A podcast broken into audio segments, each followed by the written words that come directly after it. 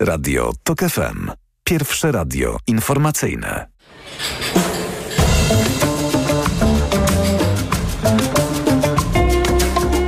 Wybory w toku. Poranek Radia TOK FM.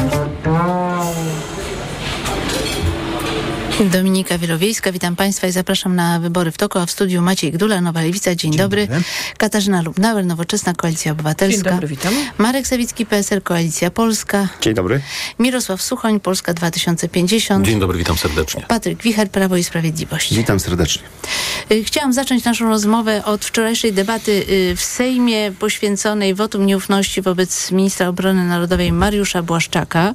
Y, zgodnie z oczekiwaniami wniosek został odrzucony ale debata była rzeczywiście e, istotna z tego punktu widzenia, że opozycja przedstawiała zarzuty wobec ministra. Chodzi przede wszystkim o pocisk rakietowy, który wleciał do Polski w grudniu zeszłego roku, a odkryty został dopiero w kwietniu. Przypadkowo mm, opinia publiczna nie wiedziała nic o tym wydarzeniu. Premier powiedział, że dowiedział się o wszystkim e, w kwietniu. Natomiast e, minister Błaszczak raczej unikał rozmowy na ten temat. Mówił bardzo dużo o zakupach broni. Mm, dodam jeszcze, że TVP nie transmitowała debaty i wystąpień opozycji, jedynie przemówienie szefa MON i premiera. Tu pozwolę sobie na swój komentarz. Jest to złamanie prawa, gdyż y, media publiczne są zobowiązane do bezstronności i y, kompleksowego przedstawiania y, wydarzeń. Po raz kolejny zresztą to tak odnotowuję dla porządku. Y, chciałam mm, prosić Państwa o podsumowanie tej debaty, także o ocenę zakupów mm, sprzętu wojskowego, o którym bardzo dużo mówił minister Błaszczak. Przedstawiał też zarzuty wobec rządu PO-PSL. Jak Państwo tę debatę oceniają? Oceniają Katarzyna Lubnauer?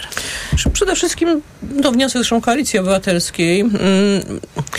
Próbowano nas zapewniać, znaczy rząd, minister Błaszczak wielokrotnie nas zapewniał, że jesteśmy całkowicie bezpieczni, że tu nic nie wleci, że po prostu jesteśmy szczelni, jak nie wiem co. I najpierw mieliśmy e, dwie rakiety, które trafiły tam przy granicy, ale potem się okazało nagle, że mamy rakietę, która przelatuje, można powiedzieć, przez pół Polski i nie tylko nie jesteśmy bezpieczni, bo mówiąc szczerze, od początku wiedzieliśmy, że te zapewnienia są nieprawdziwe, bo nie da się zabezpieczyć pełni nieba, e, nie mamy takich możliwości, ale że w ogóle została zgubiona, że jakby w ogóle nie zauważono, gdzie ona doleciała i gdyby nie Amazonka, to nie wiedzielibyśmy prawdopodobnie do dzisiaj, nawet nie wiedzielibyśmy, jaka była tam, e, tam ostatecznie mm, głowica, natomiast y, wiemy, że była to rakieta zdolna nawet do przenoszenia e, ładunku e, atomowego.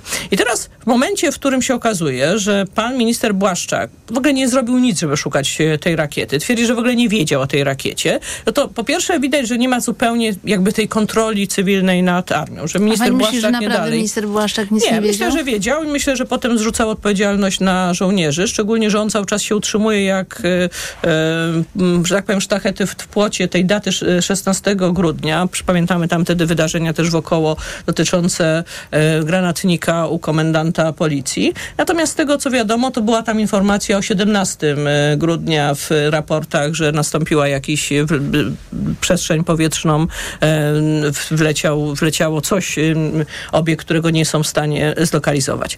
W związku z tym dla mnie jest to przykład tego, że po pierwsze nie jesteśmy bezpieczni, a jeśli chodzi o zarzuty ministra Błaszczaka dotyczące zakupu broni, to my pamiętamy, co się działo w momencie, w którym e, w 2015 roku władzę przejął PiS i przejął władzę Macierewicz nad Ministerstwem Obrony Narodowej i mieliśmy do, do czynienia z blokowaniem konkretnych albo już e, podpisanych kontraktów, tak jak to było w przypadku Karakali, gdzie zresztą zapłaciliśmy potem karę, gdzie do dzisiaj mielibyśmy już to 50 y, y, śmigłowców y, no, bardzo nowoczesnych dla polskiej armii, a do dzisiaj nie mamy tego typu śmigłowców, czy jak w przypadku Patriotów, gdzie rząd PO-PSL przecież przygotował wszystko do porozumienia na 8 baterii, natomiast pierwszą rzeczą, którą zrobił Macierewicz, to rezygnacja z sześciu z nich i decyzja tylko o zakupie dwóch, przy czym zresztą po, na tyle wysokiej cenie, że tak naprawdę to był bardzo, bardzo zły zły e, pomysł, jest bardzo zła e, propozycja. Czyli można powiedzieć, że Macierewicz programowo rozbroił polską armię To- po rządach PO-PSL. W tej chwili próby są e, łatania tego, tylko też łatania bez offsetu, spółek, bez, wzma- bez wzmacniania polskiego, polskiej przemysłu zbrojeniowego. Pan poseł Patryk Wicher, bo pytanie jest takie z Prawa i Sprawiedliwości. Pytanie jest takie, dlaczego y, opinia publiczna nie została w grudniu powiadomiona o tym pocisku? To jest bardzo ważne, dlatego że nie wiadomo, co to był za pocisk, czy on był groźny, czy nie. Należy obywateli o tym informować. A poza tym pan minister Błaszczak mówił, że opozycja atakuje y, armię. Tymczasem to minister Błaszczak zaatakował generałów na konferencji prasowej. Ja mam cytaty, w razie czego, panie pośle, gdyby pan nie pamiętał, co minister Błaszczak mówił wtedy, ale mówił o odpowiedzialności głównych y, y, dowódców. Potem jeden z nich, generał Piotrowski, się bronił w takim wystąpieniu na YouTubie. Bardzo proszę, panie Pani redaktor, moi drodzy współrozmówcy, szanowni państwo. E, Pierwszy taki mój komentarz do pani poseł. No nie było czego rozbrajać, bo po waszych rządach prawie armii nie było w tym kraju. A więc e, likwidowane dywizje, szczególnie dywizje wschodnie, likwidowane oddziały wojskowe na południu nie tylko. Tak na dobrą sprawę armia zbliżała się do 100 tysięcy, za niedługo by pewnie przy was spadła. E, Z, zerowy system obrony powietrznej, tak naprawdę przestarzała marynarka wojenna. A więc generalnie No w tej tak nie naprawdę nie, był, nic. nie było co, moi drodzy Państwo, demontować, ponieważ zdemontowaliście wszystko, co się dało. Dzisiaj, jak wiemy, mamy już 175 tysięcy żołnierzy, to jest najnowsza statystyka. Odbudowaną dywizję, choćby w Białej Podlaskiej, nie tylko. Nowe bazy wojskowe, w tym też w moim okręgu wyborczym Wojnarowej, koło, w gminie Korzenna. Odbudowujemy kolejne bataliony Szczelców Podhalańskiej, nie tylko. Więc, moi drodzy Państwo, wojsko ma duży zasięg i teraz też zakupy wojskowe, to sprawdzą. Natomiast ja akurat e, interesuję się bezpieczeństwem wewnętrznym. Ja zostałem posłem, ponieważ ja lubię robić coś kompetentnie. Rozpocząłem również studia z tego zakresu, który właśnie też skończyłem, żeby być właśnie kompetentnym też z zakresu teorii, ale nie tylko i też praktyki. W związku z tym, moi drodzy Państwo, mówiąc wprost, otwartym tekstem, y, działalność wojskową trzeba rozumieć. Jest coś takiego jak tajemnica wojskowa, jest coś takiego jak bezpieczeństwo wewnętrzne, czy też dokument operacyjny. Y, I jeżeli pani redaktor, czy Państwo myślicie, że wojska amerykańskie, czy jakiekolwiek na świecie informuje na bieżąco, że wczoraj dokonali jakiejś akcji wojskowej, czy też wczoraj nastąpiło jakieś wydarzenie wojskowe, to Państwo się bardzo grubo mylicie.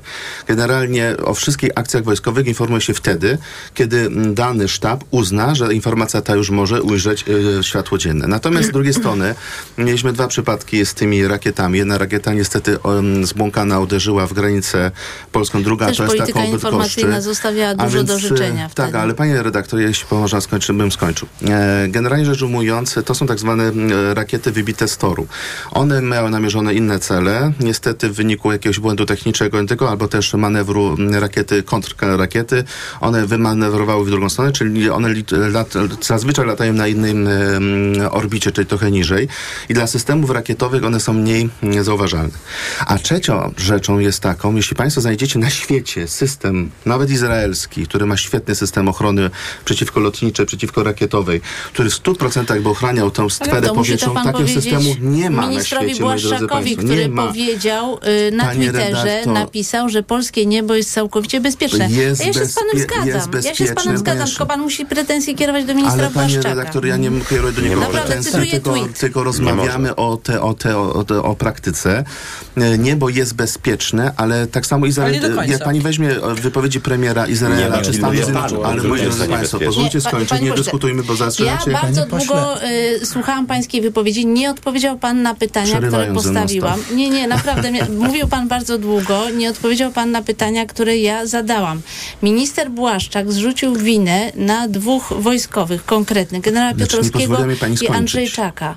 Bo Ale bardzo długo pan części- mówi No, y, pani, i pani nie poseł mówiła jeszcze pytania. dłużej, ale dobrze. Jak bezpośrednio Kończąc jeszcze moją wypowiedź, a więc moi drodzy, nie bezpośrednio, to więc to jest jakby uzupełnienie pewnej wiedzy, e, bo to trzeba być, człowiek uczy się przez całe życie, nabiera kompetencji z dnia na dzień, ale moi drodzy państwo, kwestia jest następująca. Prezydent Stanów Zjednoczonych, Izraela też, jak go zapytamy, czy ma bezpieczne mm, sferę powietrzną, powie tak w 100%. I to jest prawdą. E, a więc, moi drodzy, idąc do generałów. Jeśli generałowie, moi drodzy państwo, popełnili jakiś błąd informacyjny, co się też zdarza w systemie dowodzenia, czy informacja przepływa z pewnym opóźnieniem, jeśli uznali to jako incydent nieistotny, bo mogli, bo mogli też, moi drodzy państwo, uznać jako incydent nieistotny, dlatego też mogło nastąpić taki dysonans, że nie poinformowali ministra. Ale to zależy od generałów, bo oni są ekspertami w tej dziedzinie, Nie, oni są dowódcami sił specjalnych, są dowódcami sztabów i to oni decydują o tym, czy jak wygląda minister minister Błaszczak nie miał racji, tak? Atakując generałów. Bo teraz nie moja, wiem, moja jest pani redaktor, no chyba pani nie słucha. Generalnie rzecz ujmując, ja tylko tłumaczę, że generałowie w tym momencie, nie przekazując tej informacji, mogli ocenić ją jako nie, nieznaczącą, natomiast to nie znaczy, że ona taką nie była. Dla nas politycznie, dla nas politycznie, ona by, czy też e, strategicznie jest bardzo ważna, tylko minister powinien być o niej poinformowany. Zresztą o każdym takim incydencie w okresie wojennym minister powinien być na bieżąco Nie informowany. komedii. No minister był E, poinformowany No, o tym. muszę powiedzieć, że jestem zdumiona, bo panie pośle, m, mam nadzieję, że pana przekonam, ale sytuacja jest taka, jeżeli pocisk wlatuje do Polski i nie wiemy, co to jest za pocisk, czy on jest groźny, czy nie, i opinia publiczna o tym nic nie wie, to naprawdę jest źle, dlatego że obywatele muszą być o tym poinformowani, że jeżeli ktokolwiek z nich natrafi na coś, co przypomina tego typu rzecz, to musi natychmiast zawiadomić służbę i opinia publiczna musi o takich Pani rzeczach wiedzieć. redaktor, Naprawdę. po to mamy właśnie skoro go nie znaleźliście, która skoro nie znaleźliście gdzieś błąd informacyjny, natomiast rozumiem, że generalicja uruchomiła Dalej wojskowe. To jest, to jest niedopuszczalne, jeżeli wie generał państwo, nie poinformował ministra państwo, i ale czemu premiera. się To jest pani, ale czemu my się doczepiamy do kwestii informacyjnej? Jest jeszcze jedna kwestia. A skąd pani wie, że generalicja nie podjęła działań operacyjnych? No ale No podjęła. tłumaczę panu, No że właśnie chodzi pan o to, generał że poinformował trzeba... na konferencji, że oni podejmą, podjęli poszukiwania i tak dalej i Ale to uznali, że to jest i tak niedopuszczalne, dalej. że nie Znaczy, powiadomił premiera i ministra. No. wojsko. Tu w jest- 100% zgadzam Marek się z panem, z panem posłem, że niebo jest bezpieczne, bo na razie w niebie jeszcze nikogo z PiSu nie ma, więc o niebo się nie bójmy, natomiast przestrzeń powietrzna nie jest broniona i to pokazały te incydenty. Druga rzecz, y, samego ministra, wicepremiera Błaszczaka ocenił prezes prezesu, Jarosław Kaczyński. Bo Jarosław Kaczyński odwołał go z funkcji wicepremiera, więc ocenił, ale nie docenił. I w tej chwili sprawuje swoją funkcję do wyboru, No żeby, żeby nie robić, żeby nie- nie robić zamieszania. inny E, tak, tak, zupełnie inny. Wszystkich czterech wicepremierów zasługiwało na Jak kontynuowanie swoich, swoich misji i rzeczywiście miało ogromne sukcesy, więc e, to jest też jakby i, i jedna rzecz. To w czasie Panie, wojny panie, w panie pośle, mamy sytuację, w której minister Błaszczak świadomie ukrywa informację dotyczącą zdarzenia, nie informuje nas o komunikacie i o raporcie, który dostał 17, a rakiety nie szuka wojska, tak jak pan mówił, tylko patrol policyjny. Jeden. Dwuosobowy patrol policyjny. No jak przejechał i nie widział, że, te, że ta rakieta gdzieś tam y, plącze się po drodze, a ona się nie plątała, tylko leżała w lesie, no to powiedział, że nie znalazł i na tym cała operacja poszukiwawcza się zakończyła, a ponieważ w okolicach jest Wisła, jest jeszcze parę jezior, no to dałby Bóg, żeby wpadło głęboko pod wodę i nikt tego w życiu nie znalazł. No i na, na tym to polegało, więc my nie dostaliśmy od ministra Błaszczaka żadnej dobrej informacji. Druga rzecz, minister Błaszczak w 20 roku z wszystkich nas informował z dumą, że jeśli chodzi o zakupy strategiczne dla polskiego wojska, 65% zakupów będzie pochodziła z, z, z polskiej grupy zbrojeniowej. Będzie produkowana w Polsce. Nagle kiedy jest ustawa o obronie, my wnosimy poprawkę, żeby przynajmniej 50% tych zakupów pochodziło z naszej krajowej produkcji, no to PiS jest temu przeciwny. Teraz okazuje się, że kontrakty, które zawarł minister Błaszczak, zaledwie może w 25% będą mogły być zrealizowane w jakiejś części w polskiej grupie zbrojeniowej. Reszta to jest wydanie pieniędzy na import, bez offsetów, e, bez powiązania z możliwością rozwoju i przebudowy e, polskiego przemysłu zbrojeniowego. I to jest podstawowy zarzut.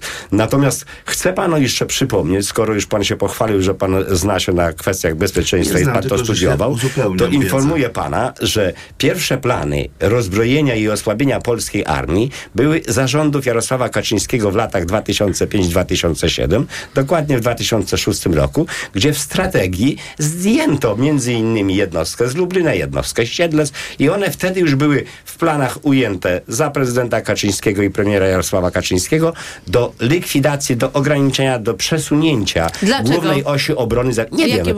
Uzasadnienie? Nie wiem, no, no, ale to rozumiem, że zostało zrealizowane Przesunięcie, później. przesunięcie głównej osi obrony y, za, y, Za Wisłę. Wisłę. I teraz, i teraz y, poprzednicy PO-PSL realizowali to, bo nie było jeszcze zagrożenia tego, które okazało się już w roku 2014. I tak naprawdę w roku 2014 powinna, a już naprawdę w 2013 powinna nastąpić gwałtowna przebudowa strategii obronnej Rzeczpospolitej i także całego NATO. I tutaj jest opóźnienie, ale opóźnienie to było kontynuowane przez kolejne 6 lat rządów Prawa i Sprawiedliwości do czasu inwazji y, kolejnej Rosji na Ukrainę w roku 2022. No i mamy, mamy tego skutki. I dzisiaj jesteśmy y, w sytuacji, sytuację, w której część sprzętu przekazaliśmy i słusznie Ukrainę.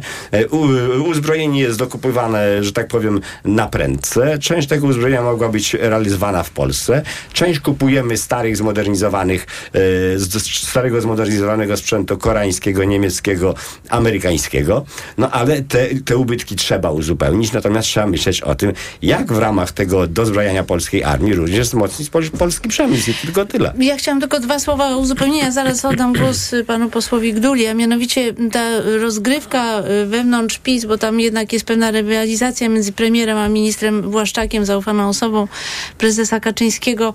Y, mm, Po prostu premier powiedział, że się dowiedział o wszystkim dopiero y, w kwietniu i PR-owcy mm, doradzili ministrowi Błaszczakowi, że to jest taka pułapka, którą premier zastawił na ministra Błaszczaka i stąd ten tragiczny błąd ministra Błaszczaka, który wyszedł na konferencji prasowej i, i zrzucił winę na, na y, generałów, y, bo mu się wydawało, że w ten sposób jakby zatrzyma te zdanie, akcje pani, pani deprecjonowania redaktor. No, ale przecież, y, ale przecież minister, minister Dworczyk o wszystkim wiedział.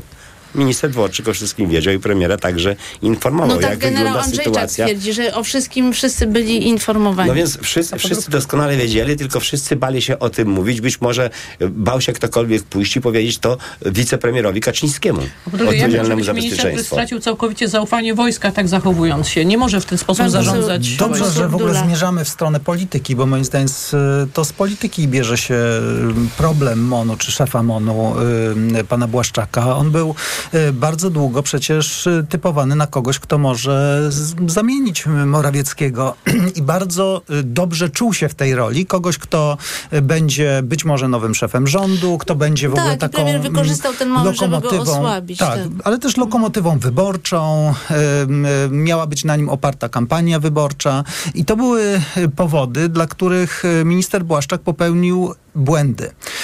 Najwię- największym błędem y, było to, że obciążył wojsko odpowiedzialnością za, y, za to, że mm, rakieta wpadła do Polski i nie została odnaleziona przez 6 miesięcy. Tak? Znaczy stwierdził, że jest na tyle mocny i na tyle ważna jest jego pozycja, że trzeba przerzucić winę do ogródka wojskowych. Tak minister nie powinien robić, bo wszystkie błędy, które się pojawiają, powinien wziąć raczej na siebie w obecnej sytuacji, a nie osłabiać autorytetu wojska. To po pierwsze.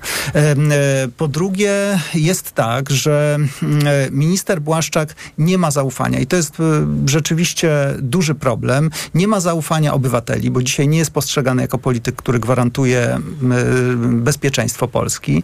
Nie ma zaufania opozycji. E, po- Opozycja nie szanuje ministra Błaszczaka przede wszystkim dlatego, że nie konsultował zakupów uzbrojenia. To jest niesłychanie ważne. M, e, Komisja Obrony była gotowa tutaj e, współpracować z ministerstwem, ale też ja byłem na tej komisji, e, tajnej, tajnych obradach Komisji Obrony i Służb Specjalnych. Minister Błaszczak zrobił rzecz skandaliczną. Zwołano tą komisję, żeby wyjaśniać sprawę rakiety w Zamościu. On przyszedł, uśmiechał się i potem jak pojawiła się jakaś, jakaś taka drobna krytyka, wstał i wyszedł. Powiedział, że on nie będzie brał w tym udziału. Znaczy e, w ogóle znaczy, Czy też pan pokazał, że... Błaszczak nie odpowiadał na pytania dziennikarzy, raczej No, e, w takich rzeczy nie można robić. To była zamknięta komisja. Nikt tego nie widział. Nie było tak, że to jego honor jakoś ucierpiał. Nie.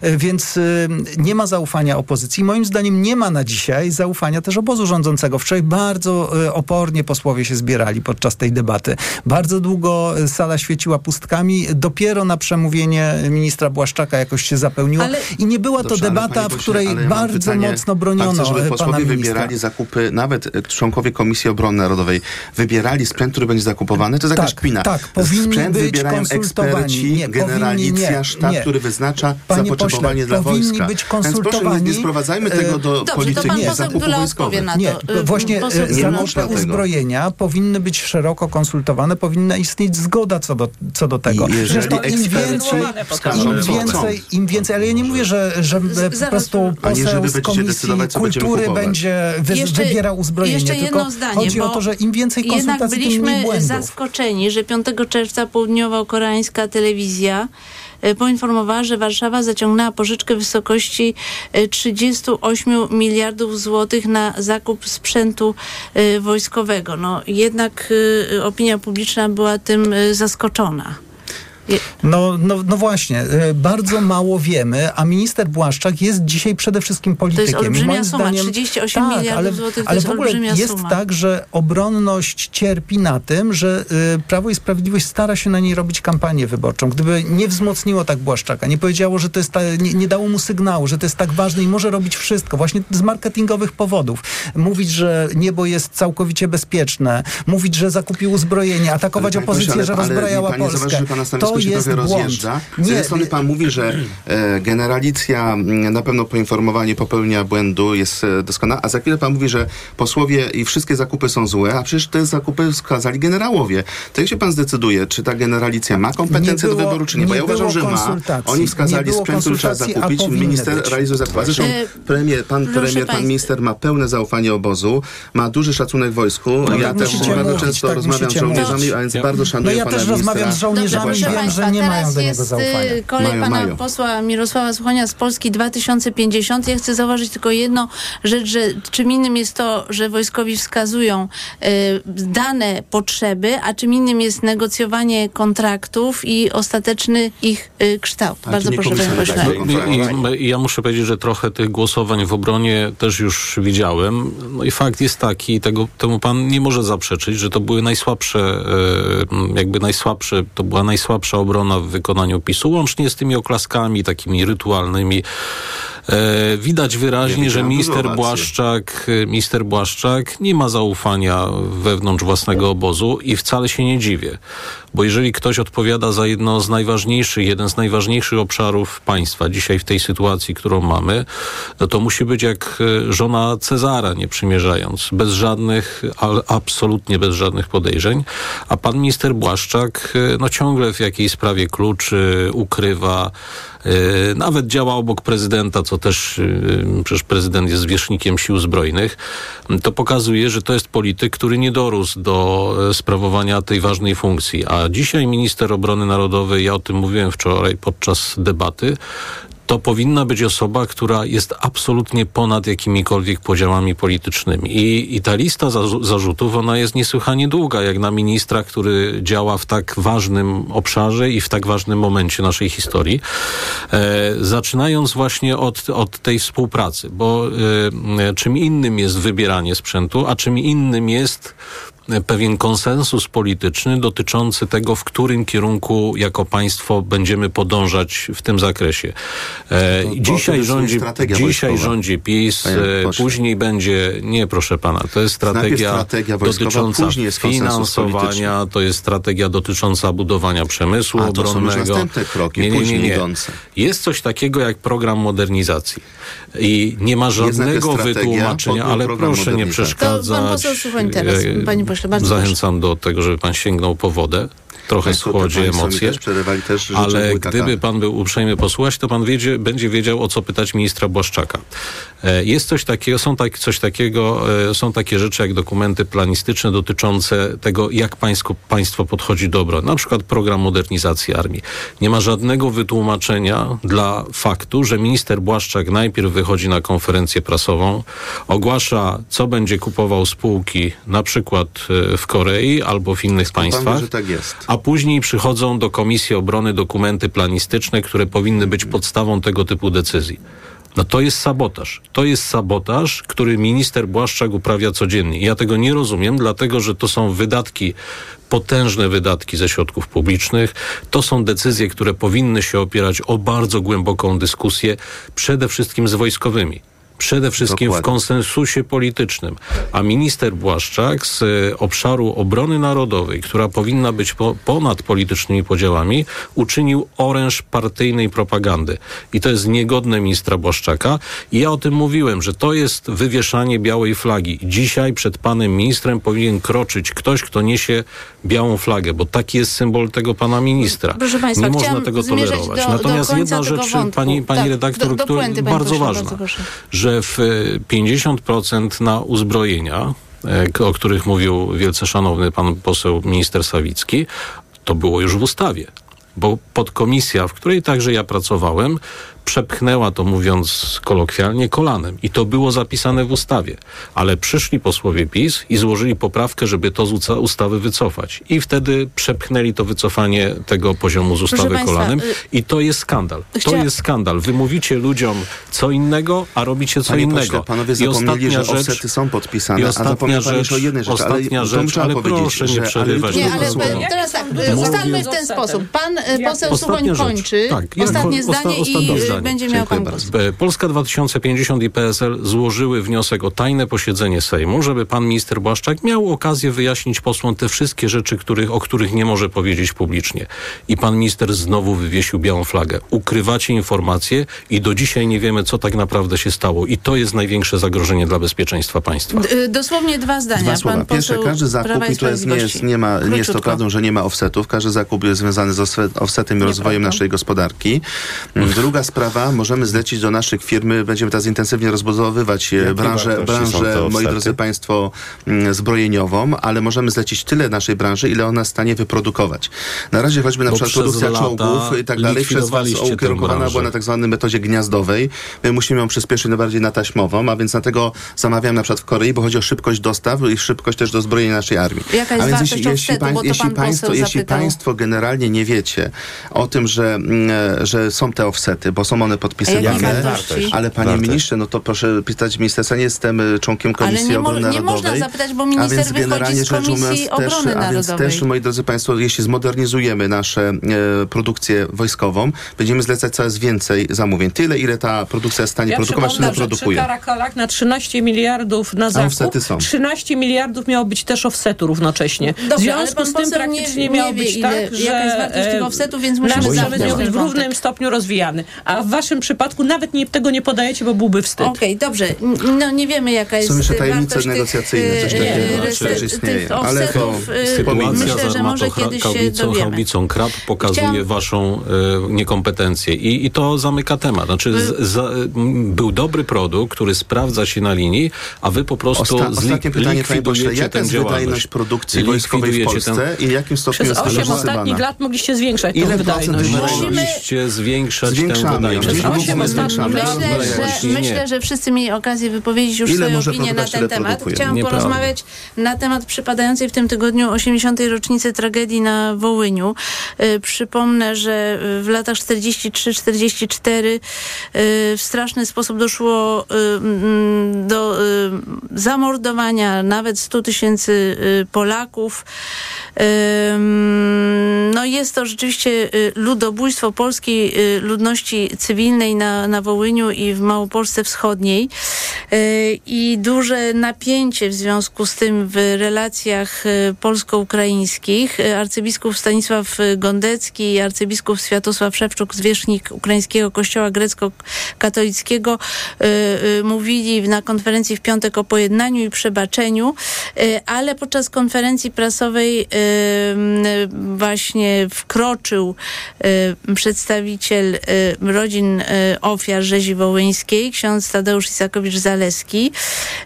Interweniowała policja. Mm, No, ci protestujący wnieśli plakat z napisem Ukraina, dlaczego nie pozwalasz pochować naszych matek i ojców zamordowanych przez OUN UPA i SS Galicjen, rodziny ofiar ludobójstwa na Kresach Wschodnich. I mm, ksiądz powiedział, że jeżeli arcybiskup Szewczuk nie powie, że dokonano ludobójstwa, to a jego księża święcą pomniki zbrodniarzy, to nie ma żadnego pojednania.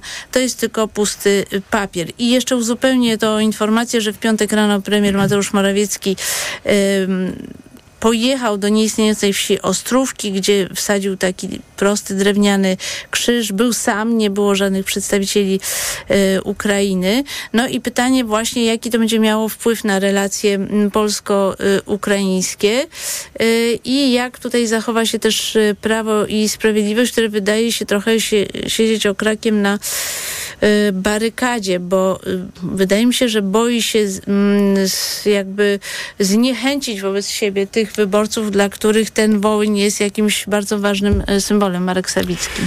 Od lat jako PSL zabiegamy o prawdziwe potraktowanie tych zbrodni wołyńskich. Tam nie jest stała ponad 120 tysięcy Polaków zamordowanych i wielokrotnie w Sejmie te sprawy prezentował i wicemarszałek Stefaniuk i wicemarszałek Kalinowski. Ciągle bylibyś, byliśmy przez niektóre środowiska polityczne za to, że tak powiem, dyskredytowani.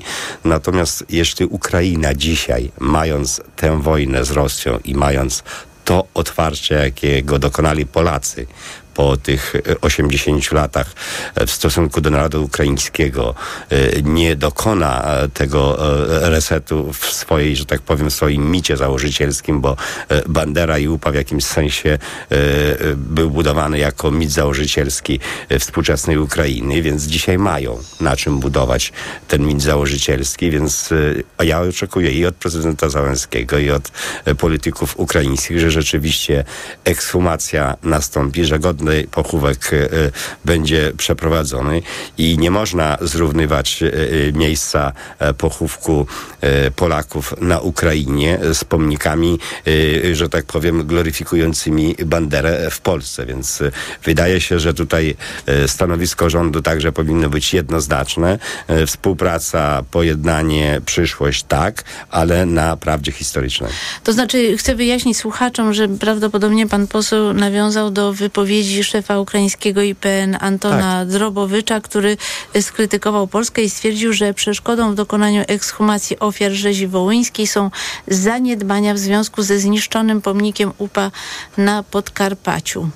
Katarzyna Lubnauer, jak y, jak ta rocznica powinna być obchodzona? Jaki to będzie miało wpływ na stosunki polsko-ukraińskie? To jest właśnie, rzeź wołyńska jest zresztą czymś, co takim cieniem kładzie się w ogóle na stosunkach polsko-ukraińskich praktycznie od 1943 roku, a mamy sytuację, w której od momentu wybuchu wojny w Ukrainie, czyli od 24 lutego 2022 e, roku, duży wysiłek narodu polskiego, który rzeczywiście nie tylko pomógł uchodźcom, ale również pomógł, e, jeśli chodzi o dozbrojanie Ukrainy, jeśli chodzi o to, że Polska jest tym hubem.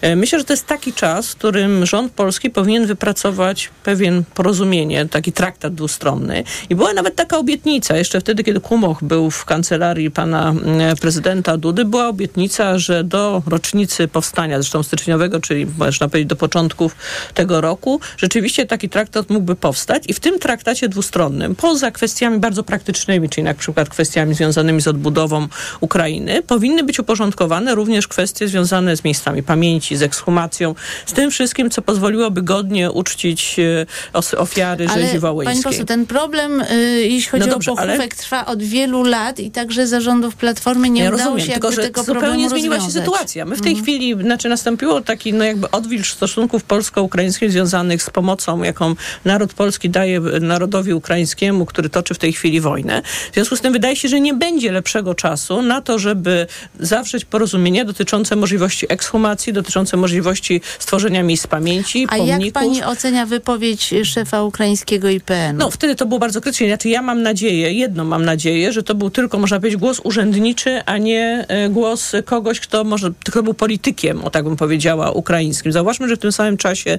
był w Polsce szef Rady Ukrainy, Wierchownej, Wierchownej Ukrainy w polskim parlamencie.